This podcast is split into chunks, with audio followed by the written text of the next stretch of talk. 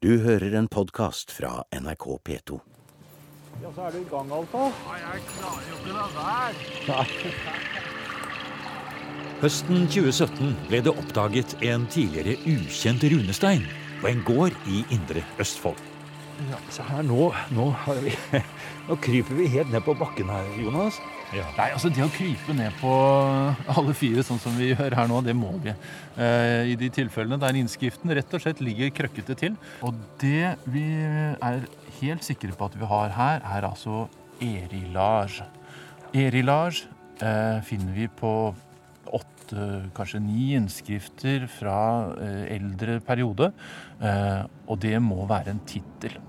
Eh, tidligere så mente man det kanskje dette her var en runemagiker eller en runemester som hadde tittelen Erilar, eh, rett og slett fordi ordet opptrer på såpass mange innskrifter. I, I snakk om eldre runer så er åtte-ni innskrifter veldig mange. Runer er et tema vi ofte kommer tilbake til i museum, både nyere og eldre, og både norske og engelske, svenske og danske, og for den saks skyld lønnruner. Og blir det oppdaget en ny runestein, er det noe vi alltid kaster oss over i museum. I dette tilfellet snakker vi om Øverbysteinen fra Indre Østfold, som nå leses som Hogg, raske, dyktige. Iril runer for Isnil.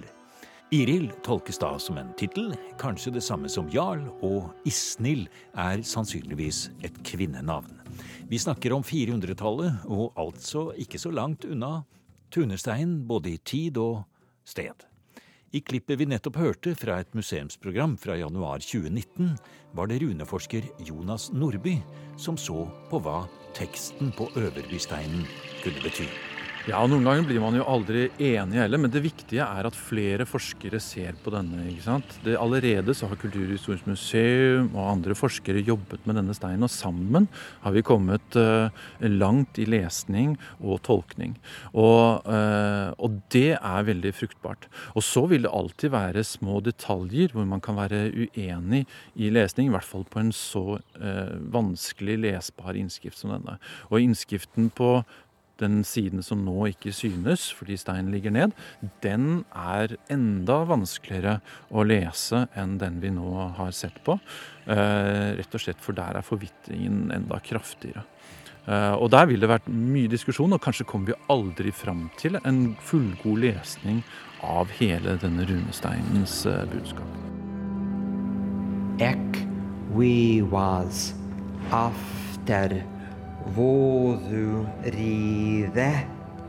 vitanda halaivan warachto. Dette var professor James Knirk som tolket Tunesteinen med et forslag til hvordan klangen i språket kunne ha vært på 400-tallet. Men dette skulle jo egentlig være et program med noen utvalgte klipp fra året som gikk i museum. Tanken var å trekke fram noen temaer vi har vært innom i 2019. Alle programmene og flere hundre til kan lastes ned når som helst i appen NRK Radio, og hvor som helst ellers man finner podkaster. Jeg har hørt at museum visstnok også skal være å finne på Spotify. I hvert fall helt sikkert i iTunes og mange andre steder. Men vi holder oss litt til i runenes verden. I april 2019 tok museum turen til Smøla, Kuli og Edøya. For øvrig akkurat der Niku litt senere i 2019 fant spor etter et viking- eller jernalderskip under en gravhaug som nå er borte. Men museum var der for å møte grublerne på grubleseminar. Vi skulle se på runesteinen fra Kuli og forske litt på hva det kunne bety at Torir og Halvarder reiste hos stein denna eft Ulfjott. Tvølf vintrer havde kristendommer om rett værit i Norge. Ja, da var det bare å kaste seg på hurtigbåten. Her går vi 31-35 knop i full fart ute i leia her. Men hvor er vi skal hen, Morten? Nå skal vi til Smøla. Nå har vi akkurat uh, reist ut forbi Agdenes og er på vei sørover i den indre leia til uh, Kuli. Og Edøy, som er to små øyer som ligger på innsiden av Smøla. Og Det er ikke mer enn rett og rimelig at jeg står om bord i Mørebas, og det er en hvit skumstripe bak oss i fart, men det bråker så veldig Morten, at jeg tror vi må gå inn i salongen her. Ja, da greier vi å lukke opp døra her. Vi kommer oss inn her i salongen. Tore og Halvor reiste Steinfransi efter tolv veter hadde kristendommen ømrett i Norge. Kanskje var det slik teksten på runesteinen fra øya Kuli på Nordmøre ble lest for 1000 år siden. Om ikke så lenge skal vi høre mer fra I dette programmet er det bare klipp fra utvalgte museumsprogrammer fra 2019. Men i det opprinnelige programmet forteller runeforsker Jan Ragnar Hagland om hvordan han tolker steinen.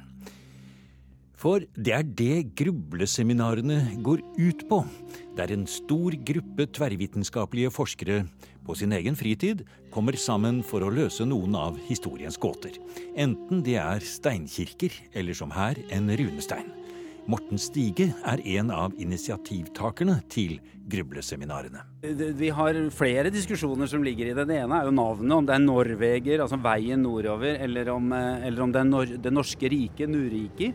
Eh, men det kanskje enda mer spennende er det som knytter seg til kristningen. Det sier jo at det er tolv år etter at Norge ble kristnet, men det er enten en helt passiv, altså at du ble kristnet, eller en betydning om at kristningen gjorde Norge til et bedre sted, ga rett til Norge.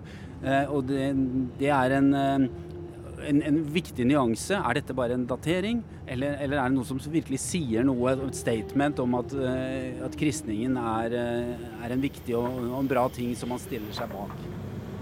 Vi hopper og spretter litt rundt på kalenderen for museum i 2019. Og lander på dekket til en annen ferge.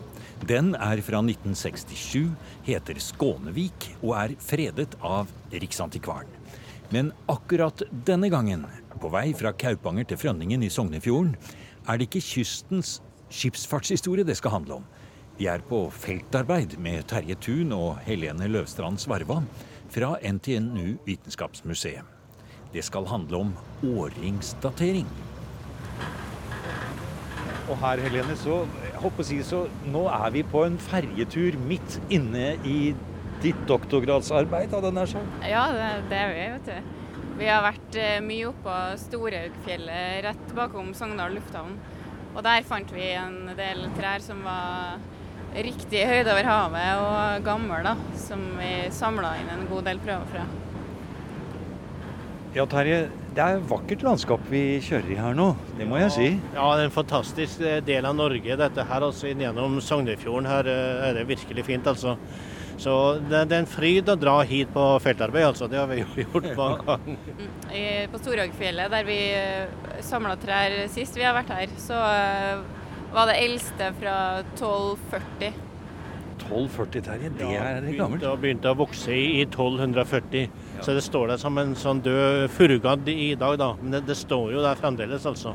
Ja. Og vi har jo bora ut prøve fra det for å få ut årringene, og det det fantes jo ikke råte inni heller, så det var jo fantastisk eh, å oppdage sånt materiale her, altså på indre del av Sognefjorden. Og Det passer jo godt for dere nå. Dere håper å komme helt tilbake til 1200-tallet hvis dere er heldige? Ja, det er det vi håper på. Med stående trær så er det jo tilbake til 1200-tallet, men vi, vi, har jo noen ambisjoner om å få til noe prosjekt videre. altså Gå liksom på tjern og sånt og finne noen tømmerstokker der, sånn at vi kan komme oss enda lenger tilbake. Gjerne flere tusen år. Det er jo liksom den, det store målet vi har da. I museum skal vi til Porsanger. Denne vide og lange fjorden som strekker seg fra Nordkapp inn til Lakselv. Her har de sin egen bruksbåt, Spissbåten, den har vært brukt til svært så allsidige oppdrag. Fra å frakte sauer til øyene eller biskopen, og jordmødre på oppdrag. På Sjøsamisk kompetansesenter i Indre Billefjord gjøres det nå et arbeid for å bevare de gamle båtene, og gjennom å bygge nye kopier. Det var jo bønder og fiskere som bygde dem og solgte til kjøpmann, oppkjøper. Og, og vi husker Presteng-skiltet brukte å stå foran. I Presteng sto det på det. Ja, og, den, og de kjøpte opp det der og solgte videre. Men her i Porsanger eksempel, ble Her det bygd båter? er det bygd altså, her er det bygd etter krigen, helt innerst i fjorden på østsida. Eh, Det var, det, var, det var de siste. Det er Anders Hansen og hans sønnen Hans Andersen. De har bygd gode båter. Veldig gode båter. Hadde de forskjellig mm, form og, Nei, og strategi, de- holdt jeg på å si, Nei, det- fra det- ene byggeriet er til det andre? det er klart at de bygde jo, de bygde jo båt, båt for Porsanger, og, og hvordan Porsanger så ut. Det kanskje de trauste båter. Fjorden er jo ganske åpen. her. Er det, hva kalte du det helt akter der? Sete? Det, det er jordmorsete. Det er jordmorsete, ja. Der satt jordmora og presten og embetsmenn, og biskopen skulle rose over fjorden og sånne ting. Du verden. Mm. Så det er sånne Det må males sånn at det, det Ja, den er malt og fin. Ja, den må males for Ja. Så embets... Jordmora var jo litt kraftig bak, så derfor jeg liksom det setet, så det passer til jordmor. Jordmor, og så passer det NRK. så det er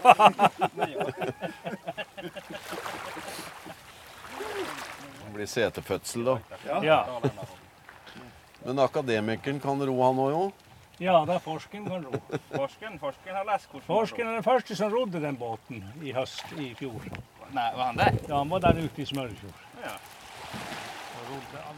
I museums årskavalkade hadde vi hoppet til august, da kollega Jan Henrik Ilebekk besøkte det sjøsamiske senteret i Porsanger for å høre om hvordan de der tar vare på den spesielle spissbåten. Og underveis i denne kavalkaden over 2019 ser det ut som om språk har blitt et tema. Enten de er på runer eller det faktisk snakkes den dag i dag. Og da tar vi turen til Vasaloppets landskap, til Elvdalen i det svenske Dalsland, hvor museum var på besøk i februar 2019. Jeg sagde Bergslagen, Ole, så det er jobbet av Bergslagen. Jeg er eh, ganske sikker på at du ikke skjønte så mye av det han sa. Elvdalingen vi hørte her. Han snakker en aldeles sær dialekt eller språk, som han mener det er. Og det er elvdalska eller dalska. Og språkprofessor Sylfest Lomheim er med og lar seg forundre. Men eh, nå er det slik at jeg har fått status i ISO med et nummer som et eget språk. Ja. Ja. Mm. 2016 2016, ja. tror jeg det blev. Ja. Etter, det var første gangen de eh, ISOs, eller denne styrelsen for SIL Ja. eh, gikk imot eh, de lägre instansene i Ja. organisationen. Ja, og blant annet språkrådet, svenska språk. Spiro kuetan vaisa så jätte Kullmarksvaisa så igar gart. Och Kullmark er et buställ ungefär fyra mil från, Där Majmumun var bukulla men hon var ung. Kullmarksvaisa. Har du sitter reda växt Jär i mjästint nog uttäckt Mellum settus järret I kvedum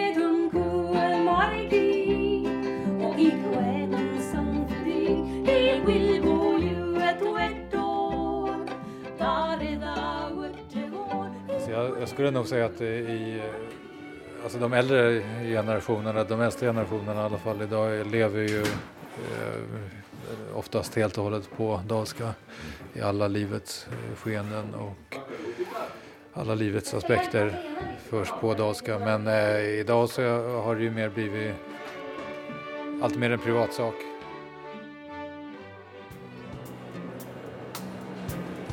Nå står vi oppe på en eh, liten avsats her og ser utover inngangspartiet på British Library. Og jeg må jo si, det er, det er en helt egen stemning, og jeg blir helt sånn eh, Ja, det er flott å stå her, altså. Ja, det er, er veldig flott, eh, flott lokale, dette. Jeg husker spesielt godt en gang jeg sto her, det må ha vært i 2014 eller 2015, da jeg hørte musikk jeg satt inne på lesesalen. Så gikk jeg ut for å se hva det var, og så kom jeg ut og kikket over kanten, og der sto jammen Jamie Cullum og spilte noen låter her nede i, nede i foajeen her. Det var en morsom, morsom opplevelse.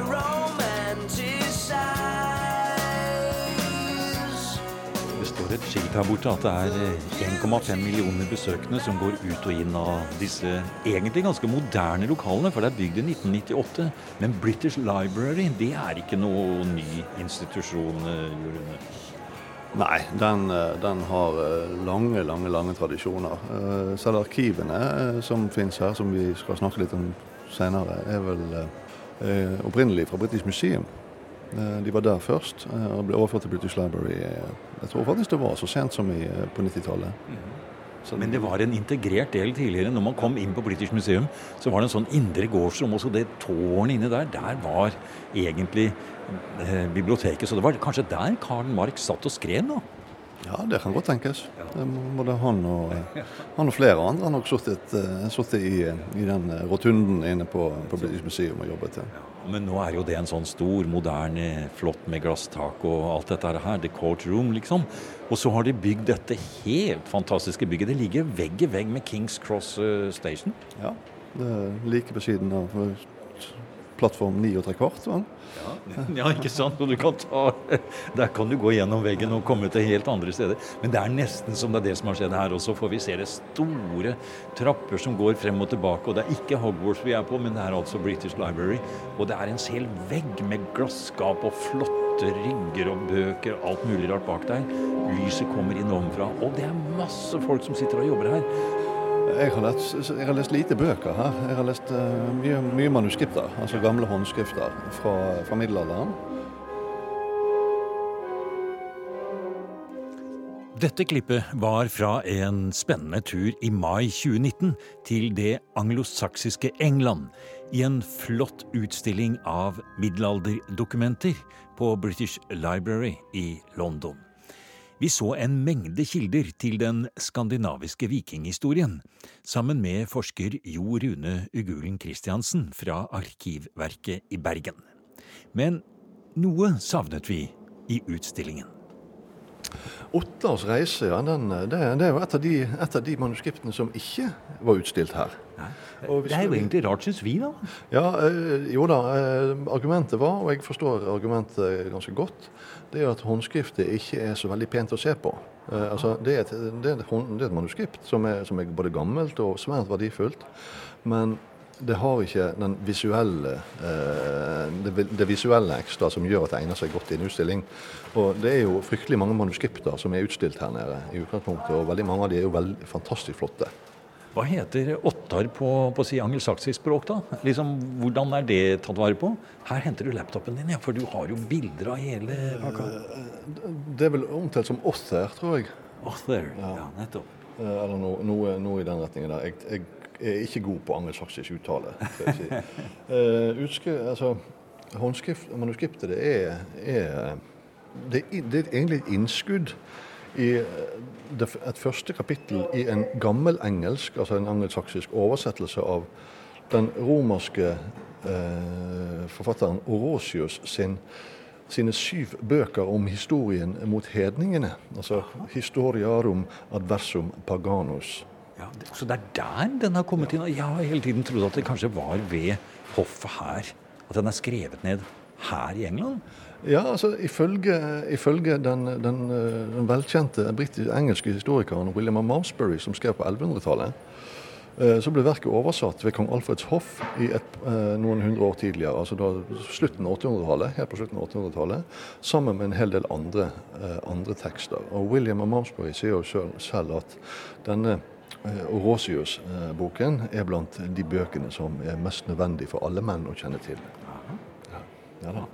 Så eh, eh, altså Det er jo en del reisebeskrivelser i den gamle engelske Orosius. Og det er ikke bare Ottar som, er, som, som har innskudd der, men han er jo den som er mest relevant for Norge. For det er jo den, det er den eldste beretningen vi har eh, fra en nordmann om Norge.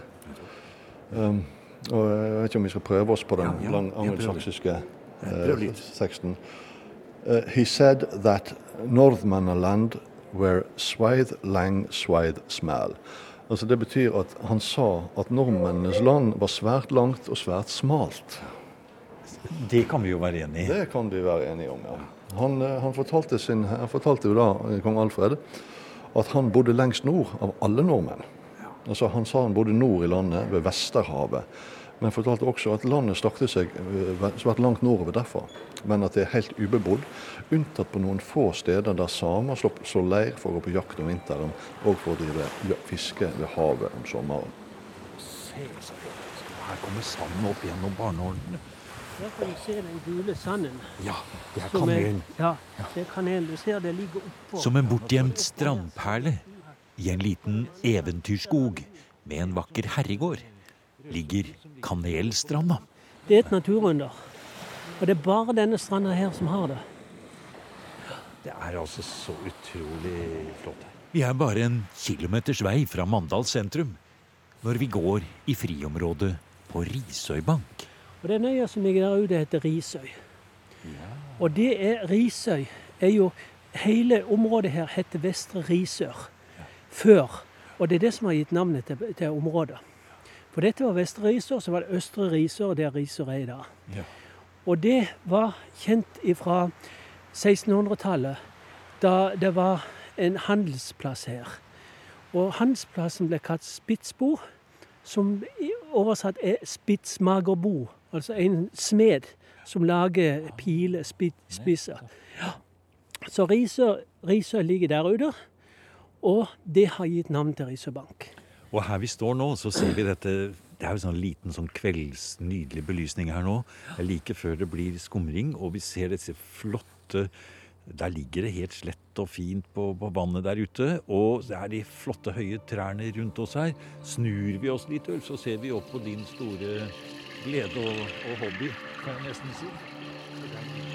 På 1860-tallet var det raffineri og oljefabrikk her. Og nå er alt borte, men ikke glemt. Ja, nå er vi i utkant av fabrikken. Det området som ligger til venstre her, lå selve raffineriet. Og så lå da det som er, er den såkalte retorten, eller der de produserte selve eh, råolja. Den lå rett ned mellom oss nå og, og vannet der. Ja. Og hele veien langs stranda der lå det en, en egen eh, monteringsfabrikk for parafinlamper. Ja, det var litt av sprang. Fra Ottar og det anglosaksiske England til skjærgården utenfor Mandal, hvor Norges første oljeraffineri holdt til. 100 år før oljen i Nordsjøen, og riktignok utvunnet av Canal Coal fra Northumbria. Et område som jo var hjemmebane for norske vikinger. Men, og nå kommer vi til slutten av museums årskavalkade for 2019.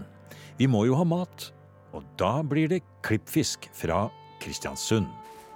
ser her så ligger altså beina ligger i en sekk. Men hvis du vet anatomien, da, så vet du hvor du skal dra kniven.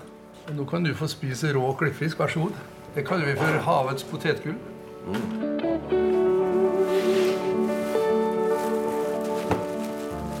I løpet av noen minutter har Knut Garshol med fantastisk håndlag renskåret et praktstykke ferdig saltmodna klippfisk av ypperste kvalitet. Det var nydelig.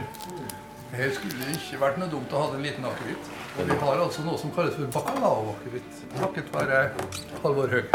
Tidligere sjefsdestillator på Vinmonopolet, ja. Ja, Han hadde vi kontakt med, vet du. Ja. Å, det var eh, bedre enn potetgull. Ja, det var det. Men en alternativ er det. Knut Garshol har klippfisk i blodet.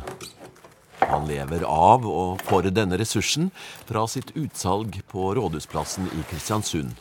Med utsikt ut i havna og til Klippfiskkjerringa. Skulpturen som markerer byens enestående posisjon som klippfiskby. En 300 års historie som også er av nasjonal betydning, selvsagt. Han kan sin klippfiskhistorie Garshol, og det kan også Odd Williamsen. Han er forskningsleder ved Nordmøre museum, herunder Norsk Klippfiskmuseum. Nå skal vi nærme oss denne ramsalte historien som bidro til at Kristiansund ble en by. Vi skal tilbake til klippfiskbutikken litt senere. Garshol forbereder smaksprøve på oljebakt klippfisk med cayenne. Men nå bærer det ut i byen sammen med Williamsen. Hvordan er kristiansundernes forhold til eh, klippfisken eh, nå for tiden, da? Jo, det er en stolt, stolthet. Det er liksom det vi forbinder med Kristiansund. da. Eh, Den, eh, selvfølgelig har vi jo mer moderne ting, og vi har eldre ting. Vi har jo boll som den gamle. Altså fiskeboll i alle Ja. verdens varianter. Med og uten fett i. Og, og avlang og runde og Ja. grå og hvit. Men så har vi jo fishan, eh, den britiske varianten. Den var vi veldig tidlig ut med. Fish and chips, ja. Fish and chips, oh, ja. som vi kaller fishan. Ja. Og, og det var en australsk dame som kom her på tidlig 50-tall og begynte med det. det her har vi fishanbua. Ja, der, ja. Eh, og så har vi nå på piren her, så har vi Klippfiskkjerringa. Ja. Det er jo den, den, den der, Der ja. som kom, kom opp til byens 250-årsjubileum i, i 1992. Det er jo liksom da et symbol på arbeidsfolket, og særlig kvinners eh, slit og store bidrag til at det har blitt en by. Så, så, og bevisstheten rundt dette her er ganske stor. Så mange snakker gjerne om det, og man har gjerne bacalao som, som festmåltid. Og man, man, det er en fin inngang til å fortelle byhistorie.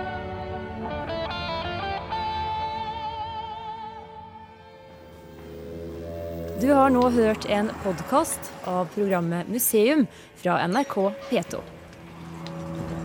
Og send gjerne en e-post til museum.krøllalfa.nrk.no. nrk.no.